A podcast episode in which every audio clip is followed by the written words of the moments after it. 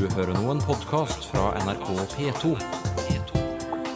nrk.no-podkast. Dæven, ass. Du skulle sett det, ass. Han dro den sinnssykt seige kickflipen, ikke sant?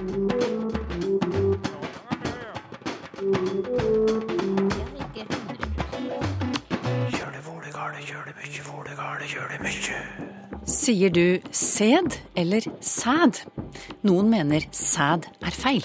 Det er jo mange meninger om uttale av ord i norsk. Det er egentlig et sånt markering av om man er dannet eller ikke dannet for veldig mange. Imperativ navn er stedsnavn som dikterer hva du skal gjøre. Eksempel kikke ut, vende om, gåta, bi litt, pass opp osv. Mange sånne. Og er du en blåsar? Det blir gjerne folksnakk av det som en blåser har for seg, enten det er bra eller galt. Først i dag om uttale av bokstaven æ. For Språkteigen har fått et brev fra Frode Korslund, som merker seg det han kaller en tiltakende glidning mot æ-lyd i ord som for eksempel, og nå sier jeg dem på min måte, bevæpnet, forræder og sæd. De staves alle tre med æ. Eh, Frode Korslund er vokst opp i Oslo, forteller han, og mener at disse ordene alltid har blitt uttalt med e, på tross av stavemåten. Men nå hører han stadig oftere ordene sagt med æ-lyd. Et eksempel her fra NRK-programmet Newton. Klippet er fra et innslag om pubertet. Gutta får sin første sædutømming. De har begynt å produsere sædceller. Line Jansrud, som er programleder for Newton, fikk kommentarer fra seere etter at dette innslaget ble sendt. Nei, det var noen som da Altså, det var egentlig hyggelige tilbakemeldinger. De sa først at pubertetsserien var vel og bra, men at uh, det er da noen som har ergra seg over at jeg sier sæd, og ikke sæd. Og så sammenligner de det med, med også dette ordet forræder. For det sier man Da skal man jo si forræder. Uh, men jeg, for helt ærlig, så hadde ikke jeg hadde ikke tenkt på det i det hele tatt. Jeg har jo studert medisin i seks år, men jeg har aldri sagt sæd. For meg så er uh, alle mine venner har, altså sier sæd, uttaler sæd, så jeg har liksom ikke tenkt på det før. Men så måtte jeg sjekke, og det stemmer jo. Det skal jo etter boka uttales sæd. Men, men, jeg var bare ikke klar over det. Ja, hvorfor synes du at sæd er mer naturlig for deg å si enn sæd? Um, nei, altså jeg føler at man, hvis man sier sædceller, så syns jeg det, det høres litt pent ut. Det høres litt Jeg kommer fra Fettsund. Jeg sier sædceller. Hvis du er fra Bærum, kanskje du sier sædceller. Og jeg har hørt forelesere og lærere snakke om sædceller. Men jeg har ikke snakka med venner som snakker om sædceller. Da er det sæd vi snakker om. Og det mener altså noen seere er feil, fortalte programleder Line Jansrud. Språkprofessor Ruth Vattet Fjell, hvorfor får kollega Line reaksjoner når hun sier sæd? Det er jo mange meninger om uttale av ord i norsk, og av forskjellige lyder. Det er egentlig et sånt markering av om man er dannet eller ikke dannet for veldig mange. Men egentlig i norsk språkrøkt så pleier man jo ikke å snakke om noe er feil eller korrekt. Det kommer jo av den store dialektforskjellen vi har, av store sosiolektiske forskjeller. Og E- eller æ-lyd, denne glidende overgangen som Korslund snakker om, det er jo en av kjernepunktene. Det er der vi kan nesten lettest høre hvem som snakker. Hva slags distrikt vedkommende kommer fra, eller hva slags sosialsjikt. Så det er én side ved dette med, med e- eller æ-lyd i, i noen spesielle ord. Mm, men som, som, du sier, talespråket vårt er ikke normert slik skriftspråket er. Så hvorfor mener da enkelte at det ene er riktigere enn det andre? Altså at sæd er det riktige, og sæd er det er feil å si? Ja, det er jo fordi ikke alle er helt enig i dette at vi ikke skal normere språket, talespråket. Og vi har jo noe som mange kaller for dannet dagligtale, eller standard østnorsk kalles det også. Og det er særlig Bjarne Bærulsen som ga ut en ordbok om norsk uttale, som har vært mye ledestjerne. Og da f.eks. NRK ble etablert i sin tid, så var man jo veldig opptatt av at de som snakka i disse etermediene inn i de tusen hjem, de skulle snakke enten standardisert bokmål eller standardisert nynorsk, altså til skriftspråket. Så det er noe som henger igjen hos en del. Og det er jo gitt ut lærebøker om uttale av forskjellige lyder i norsk, og, og denne ordboka til Bærulsen, som har vært ledende siden 1967, tror jeg den kom, så det er lenge siden. Men det er i grunnen den eneste, bortsett fra Vanvik, som har gitt ut den senere, som er nesten maken, men bare med litt andre måter å markere lydforskjeller på. Men da, de holder seg hele tiden til dette litt utskjelte, da dannede dagligtale, eller litt mer ordentlig sagt standard østnorsk. Men det finnes jo ikke noen standard uttale som er naturlig. Den må jo være noen som normerer og bestemmer. Den kommer jo ikke av seg sjøl. Eh, ja, du, du var inne på dette med dialekter, og Frode Korslund som skrev til oss om dette, han, han spør om det har med dialekt å gjøre når folk uttaler eh, slike ord som ja, Når de sier sæd og forræder og sånt noe. Eh, Ja, og der har Korslund et godt poeng, for det tror jeg ikke det har. Dette tror jeg ikke har noen ting med dialekt å gjøre, for de som gjør det, som i hvert fall jeg har hørt, og blant annet denne programlederen som det har vært mye snakk om her, snakker jo et veldig standardisert eh, bokmål ellers. Og da blir det på en måte litt juks å å skjule det bak dialektale forskjeller. For da vil det gå inn på veldig mange andre ord også. Fordi den standarduttalen som Språkrådet har anbefalt i sin tid, da, det er jo at normal uttale av en i disse orda, som altså har en språkhistorisk å som grunnlag, i talt bokmål, det skal være e. Mm. Men når du sier som Språkrådet anbefalte i sin tid Men så har vi også akkurat sagt at man ikke normerer talespråk. Ja, men de anbefalte altså det for de som ønsket å snakke normert, og det var den gangen hvor vi hadde andre regler i NRK. Ja, akkurat. Men du, eh, så, så lurer Frode Korslund også på om det er snakk om generasjonsskiller her? At de yngre kanskje mm, er, oftere sies f.eks. sæd og forræder enn en de eldre generasjonene? Ja, det du? tror jeg nok han har litt rett i. Fordi for det første så eldre generasjoner de tok sjelden disse orda i sin munn. Særlig dette med sæd, da.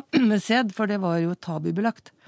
Så det er noe, et sånt ekstra som kommer inn her. Mange ønsker å liksom markere at de snakker ikke om sæd, sæd og skikk, eller jeg vet ikke hva de tenker på. Eh, Hvorfor de er så redde for at det skal bli noe slags sammenblanding med sæd. For vi har veldig mye sånn homofoni, eller altså likelydende ord med forskjellig betydning. Det har vi jo veldig masse av i språket. Mm, Så det er ikke noe god grunn, det. Mm, Så det er nok rett og slett, eh, som jeg tror en skrev på Facebook, vi har lært disse ordene ved å lese, om, lese dem i skrift. Og dermed så har de blitt uttalt med en æ-lyd som ikke samsvarer med uttale, vanlige uttaleregler. Da. Det som jeg syns er synd, er jo at ikke Språkrådet, når de har normert eh, rettskrivinga vår, har latt eh, disse orda bli skrevet med e. Fordi det er jo det vi hele tiden, eller språknormererne hele tiden har vært opptatt av, at man skal skrive som man snakker. Altså at skriften skal følge eh, uttalen til folk flest. Ja, hvorfor har de blitt eh, Hvorfor skal de være med æ, da, i skrift? Ja, fordi at det er egentlig et omlydsprodukt av en å, da. Eh, som eh, noen ønsker å markere den språkhistoriske bakgrunnen til disse orda. At eh, bevæpne kommer av våpen, sæd kommer av så. Vi har en sånn eh, språkhistorisk å som har falt bort og gått over til en åpnere e-lyd, e-æ-lyd. Eh, Men eh, det er liksom ikke noe grunnlag for å snakke om en forræder i norsk. Det, er, det har ikke noe språkhistorisk grunnlag i seg sjøl. Det har alltid vært uttalt forræder. Eh, altså alltid i sånn standardiserte bokmål, da. Eh, Så, så um, det er nok skriftbildet som har gitt inspirasjon til de som eh, åpner dette til en æ, altså. Men det er jo fryktelig vanskelig akkurat med den overgangen mellom e og æ. Det er en glidende overgang. eh, Og eh, ikke sant, hvor mye du åpner munnen når du formulerer den. Så det er fryktelig vanskelig. Dette er en e, dette er en æ, dette er en e. Eh, Så, så det er et område som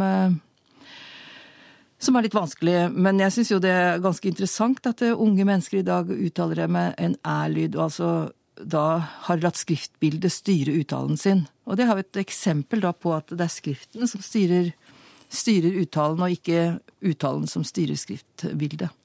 Du nevnte Facebook i sted, og jeg spurte brukere på bl.a. Facebook eh, om de uttaler ord som bevæpnet, forræder og sæd med æ, eller om de bruker e. Og, og både æ og e er godt representert, og, og noen varierer, slik at det f.eks. kan bli bevæpnet, men forræder. Og du har også kikket på disse innleggene, Ruth Vatvedt Hva, hva leser du ut av dem? Jo, jeg leser ut av det at det er litt aldersbestemt, som du har påpekt også. Og så tror jeg nok det har noe med tabubelagte, eller litt sånn folkelige ord, ikke sant. Vi har motsetninger mellom helg og helg også. Hel og hæl.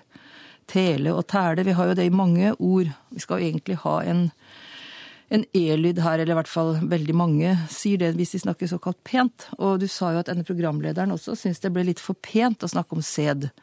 Um, så, så jeg tror man har følelsen av at det er noe litt enten veldig folkelig eller litt tabubelagt, og da kan man bruke den æ-lyden. Sa Ruth Vatvedt Fjell, som er professor i nordiske språk ved Universitetet i Oslo.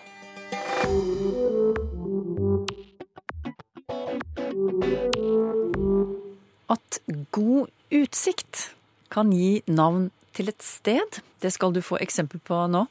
Lytter Ole Hermod Henriksen forteller at i Gausdal, der han bor, finner vi Skeisleite. Et område innover langs Skeikampen. Hva betyr dette leite, spør han. Og det vet du, navnegransker Inge Særheim. Ja, ordet leite er brukt i norske stadnavn om en plass der det er godt utsyn, der en kan se langt. Ofte brukt om en høy plass, høy stad på en vei eller sti, ei bakkehøyd for eksempel, eller om en høy stad i synsranda, i horisonten.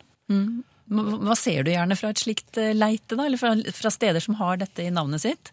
Ja, flere plasser så finner en det på stølsveier, gjerne brukt om plassen der, der en kan se heim til gården, og folk på gården kan se at folk kommer på stølsveien. Ofte usammensett form leite, kan det hete.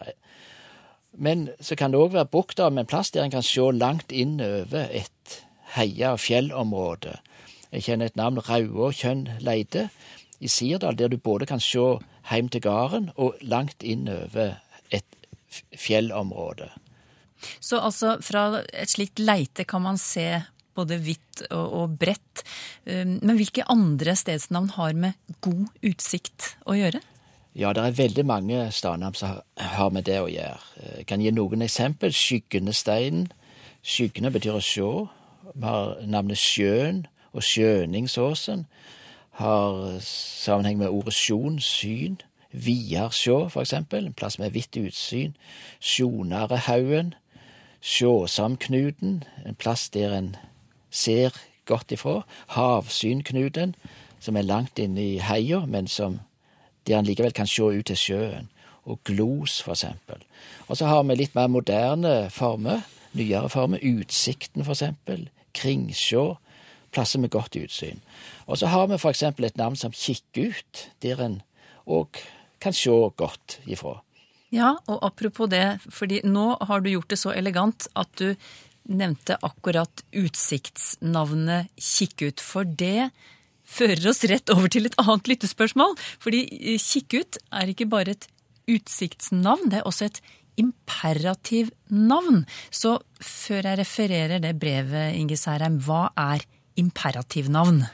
Ja, et imperativnavn er et navn som inneholder imperativformer, eller bydeformer, av et verb, og i tillegg et adverb. Eksempel kikke ut, vende om, gåta, bi litt, pass opp, stopp opp, svinge om, titte ut, se opp, osv. Mange sånne. Og de er knyttet til Østlandet, den flatere delen av Østlandet. De, de sier rett og slett hva du skal gjøre. Ja, og de er som regel knyttet til gamle kjerreveier. Så, så det er en slags ferdselsnavn, dette her òg. Ja. Kikk ut, se ut, vend om, snu, snu og gå tilbake. Ja, ja. gå ta, gå av, osv. Ja, artig. Men du, da passer det å ta fram spørsmålet fra Kristel Ekemo. Hun bor i Narntegata ved Narnteskogen og det gamle Narnte bruk og Narnte teglverk. Hva kommer Narnte av, vil eh, Kristel Ekemo vite. Ja, her bygger jeg på ei eh, god kjelle, nemlig Kåre Hoel sitt verk 'Bustadnavn i Østfold', som ble gitt ut av Tom Smith og Margit Harsson. I eh, manuset til bind 15 så, så er dette navnet omtalt, og der finner en skrivemåte fra tidlig 1700-tall. Narren til, for eksempel i 1726. Narren til i 1739. Narren til i 1776. Så siste leddet ser ut til å være preposisjonen til, og så har en imperativform av verbet narra og lure, altså narren til, narr han til. Sånn har, har det blitt tolka. Og dette er en plass som ligger på, på østsida, nord for gamlebyen, nede ved Glomma. Og her kan det tidligere ha vært ei kro eller ei ølstove, som der folk blei lokka inn. Det er tenkt som en forklaring på det navnet. Det er mye snedig man kan lese ut av gamle stedsnavn, slik navnegransker Inge Særheim fortalte her. Særheim er professor ved Universitetet i Stavanger.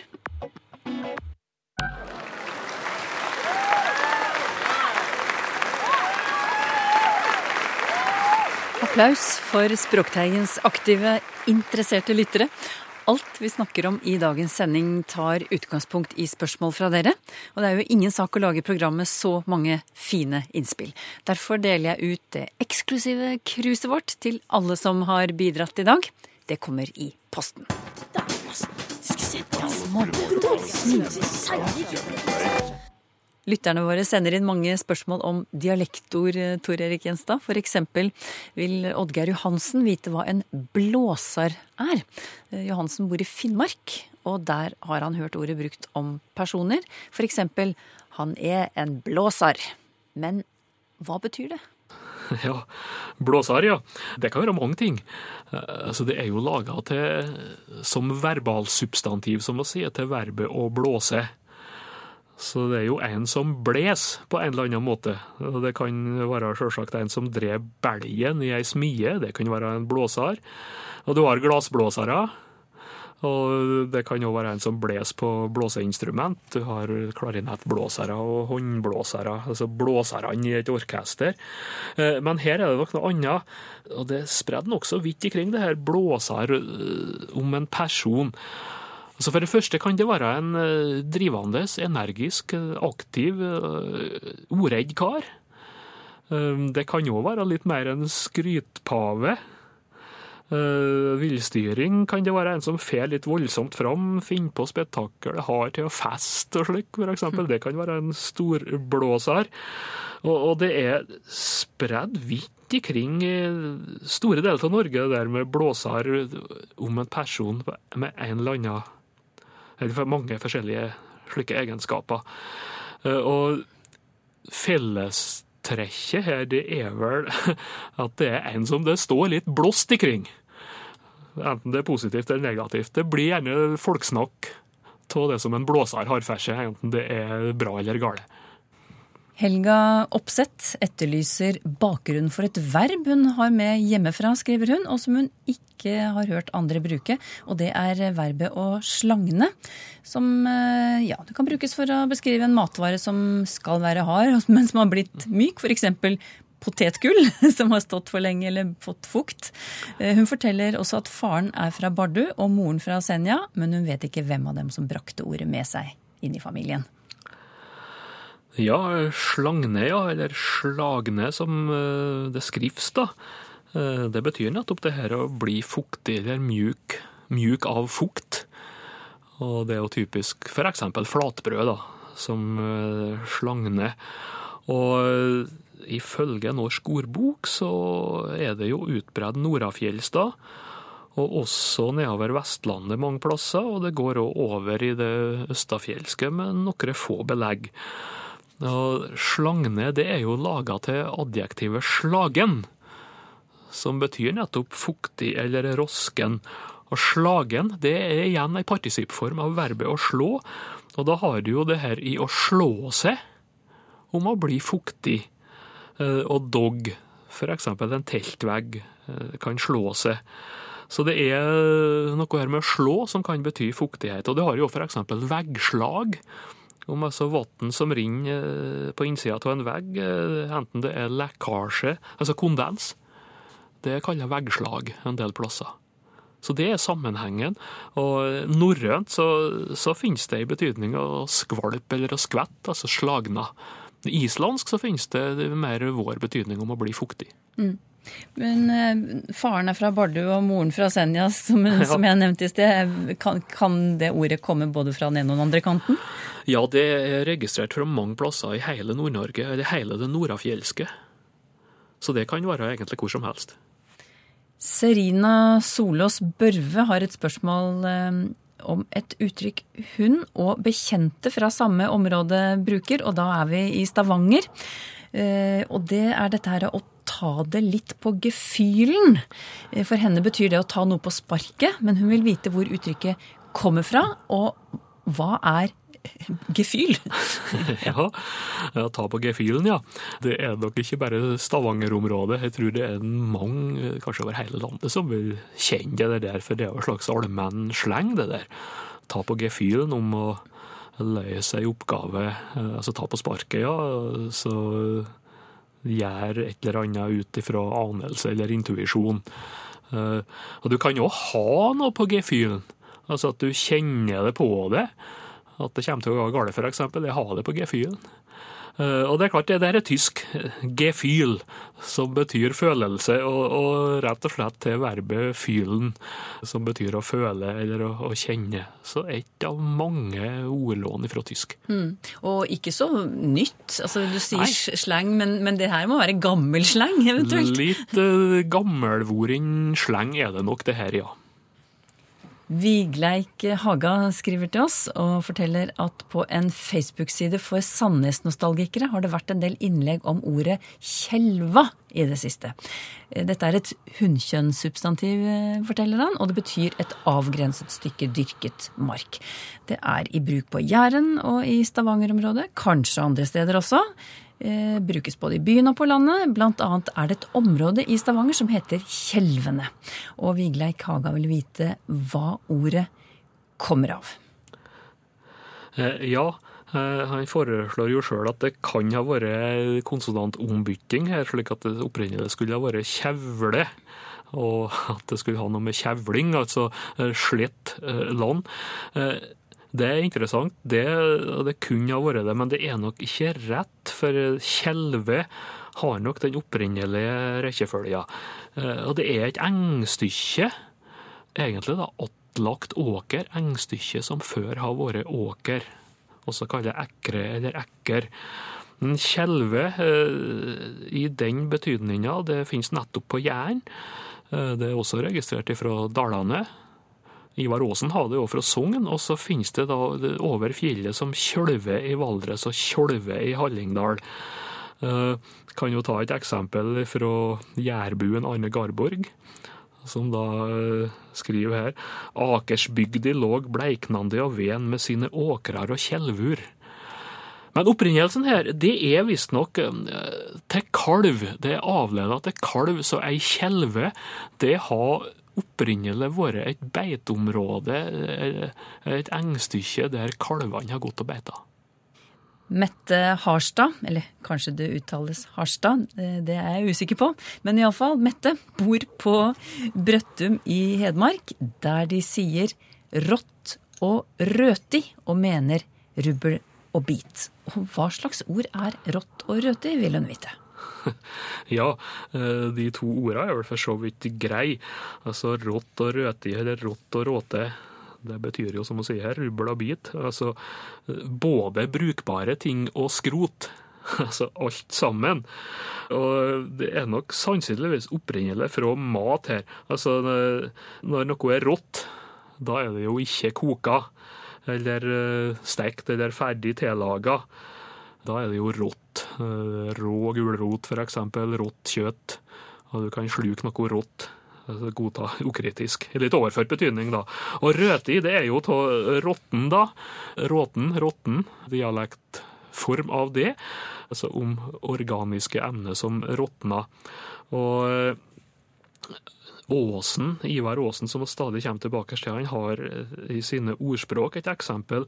De eta både rått og råtet. Og da er det jo eh, maten, da.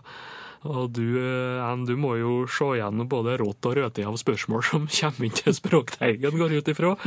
Eh, og så er det jo det her at eh, det er jo bokstavrimet som gir ekstra fynn til det her. Rått og 'rått' det er to ord som begynner med R, og det gir en ekstra effekt.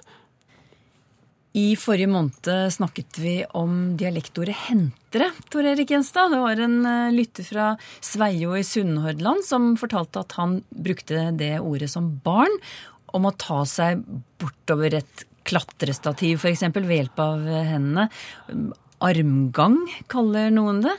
Eh, og så ville lytteren vår vite om ordet hentere er vanlig andre steder i landet, og, og hva folk ellers kaller dette. Og vi har fått svar både på Facebook og Twitter og e-post. og Er det noe du vil nevne der, Tor Erik? Ja, eh, det er jo et mønster i det her, og, det ser jo ut for at det der med å, å, å hentre, altså om å gå i armgang, det må være en variant av å entre. For det å komme inn, altså at det der kunne bli kalla å, å enter i Lofoten, entra, Nordheimsund, eh, Hardanger. Så, og også om, ikke bare om å gå i armgang bortover, men òg om å klatre i tau. Og entre, det er jo eh, å klatre, eh, klive om bord i en båt. Og klive i ei stong, klive i tau. Så det er nok eh, entre med en H. Og så er det jo vestlig, det her, da. Svara kommer inn. I tillegg til Sveio, så er det Karmøy, Haugesund. Det er Ålesund, det er Kristiansund, Frei, det er Hitra. Så det er vestlig. Og hvor den H-en da kommer ifra, den kan jo spekulere om det mm. er det her halve halvemålet som vi kjenner vestpå en del plasser. altså At du, eh, du setter inn H i ord som begynner med vokal. Oh, ja. Og eh, omvendt, da kutter ut H-en i ord som begynner med H pluss vokal. Så H er en litt ustabil lyd. For eksempel på Nordmøre, der jeg kommer ifra, der øya Averøya, der sa eldre folk Haverøya med H. Det var ikke eksempel på det. Eh, jeg vet ikke om det er det, eller om H-en da er kommet med innvirkning fra ordet eh, han. Hand, eller å, å, henge, om ting har, har kobla seg. For du henger jo etter hen når du henter det bortover. Så det er kanskje litt uh, begge deler. Men ei form, en variant av å entre, altså. Har du spørsmål til Språkteigen? Skriv til Teigen, krøllalfa nrk.no, eller til Språkteigen, NRK P2, 7005, Trondheim. Så finner du oss også på Twitter og på Facebook. I Danmark har ungdommens språkbruk på Facebook og andre sosiale medier fått skylden for at det danske språket går nedenom og hjem. Men de unge har klare regler for hvordan det skal skrives og staves, og de retter på hverandre. Det viser dansk forskning. Hør mer om en uke.